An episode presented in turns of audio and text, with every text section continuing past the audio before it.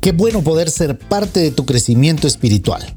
Estudiemos juntos la palabra de Dios. Bienvenidos al comentario de la hora silenciosa de Palabra de Vida Guatemala.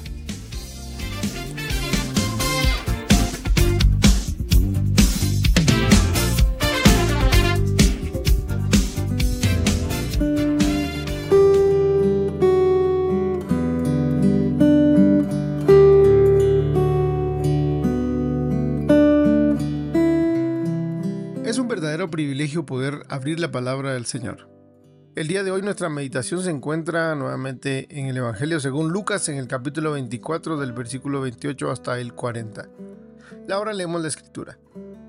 Llegaron a la aldea a donde iban y él hizo como que iba más lejos, mas ellos le obligaron a quedarse diciendo quédate con nosotros porque se hace tarde y el día ya ha declinado. Entró pues a quedarse con ellos y aconteció que estando sentado con ellos a la mesa, tomó el pan y lo bendijo, lo partió y les dio. Entonces le fueron abiertos los ojos y le reconocieron, mas él se desapareció de su vista. Y se decía uno a otro, ¿no ardía nuestro corazón en nosotros mientras nos hablaba en el camino y cuando nos abría las escrituras? Y levantándose en la misma hora volvieron a Jerusalén y hallaron a los once reunidos y a los que estaban con ellos, que decían, ha resucitado el Señor verdaderamente y ha aparecido a Simón. Entonces ellos contaban las cosas que les habían acontecido en el camino y cómo le habían reconocido al partir el pan. Mientras ellos aún hablaban de estas cosas, Jesús se puso en medio de ellos y les dijo, pasa a vosotros. Entonces, espantados y atemorizados, pensaban que veían un espíritu.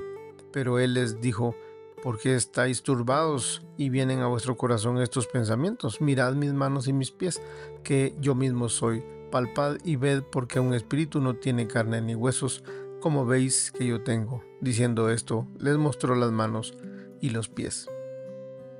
Desde niño he escuchado un himno que me gusta mucho, eh, que seguramente, bueno, hace referencia a este pasaje y tal vez ustedes lo han escuchado.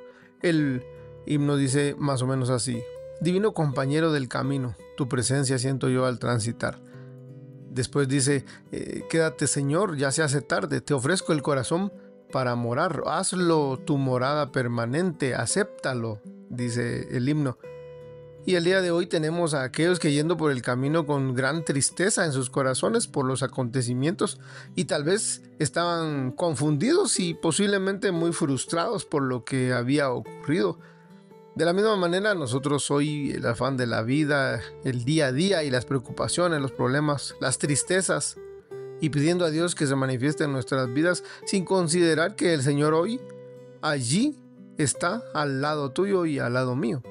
Aquellos tenían los ojos velados y no le podían reconocer, según vimos en el versículo 16 de este capítulo. Habían caminado ya a una distancia más o menos de unos 11 kilómetros aproximadamente. Pueden imaginarse cuántas cosas pudieron hablar en todo ese trayecto.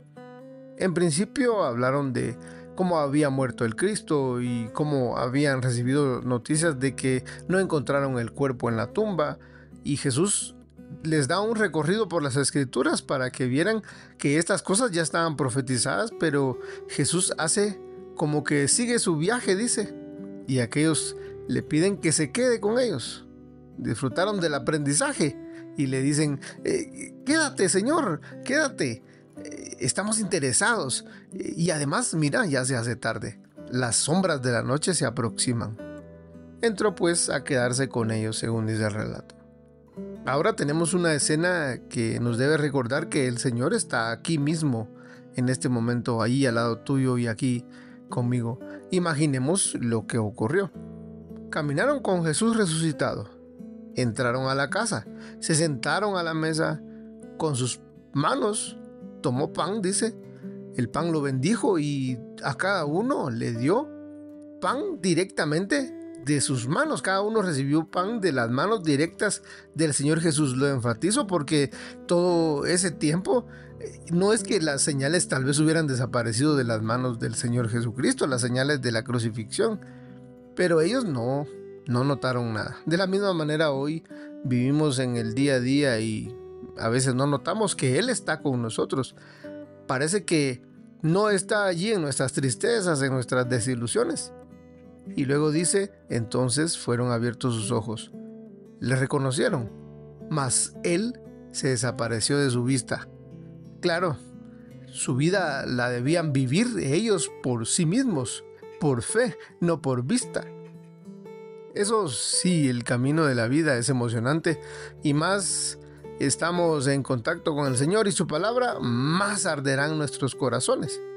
A estos los volvemos a ver junto a los discípulos eh, y a los que estaban con ellos, según dice el relato, hablando de la resurrección y mientras aún estaban hablando de estas cosas, Jesús se pone en medio de ellos y dijo, paz a vosotros. Imaginemos la reacción al ver un aparecido. A veces estamos hablando con una persona y esta de repente aparece y decimos, ala, te llamé con el pensamiento. Decimos, aquí los discípulos hablaban de lo que había pasado hace algunas horas atrás y se aparece el maestro. Y por supuesto, eh, como es lógico, una reacción humana normal, se aterraron pero también imaginemos qué gozo saber que ese terror, o lo mejor dicho, lo que les provocó ese terror, era el mismo Salvador que estaba frente a ellos. Mirad mis manos y mis pies, palpad y ved, soy yo. Tú ya naciste de nuevo, caminas todos los días con el Maestro, le has pedido que more en tu casa, arde tu corazón cuando escuchas la palabra de Dios compartes el mensaje de la cruz con tu prójimo. Permite que el Señor transforme tu vida como lo hizo con estos hombres que al final ofrendaron sus vidas por compartir el Evangelio. Dios te bendiga.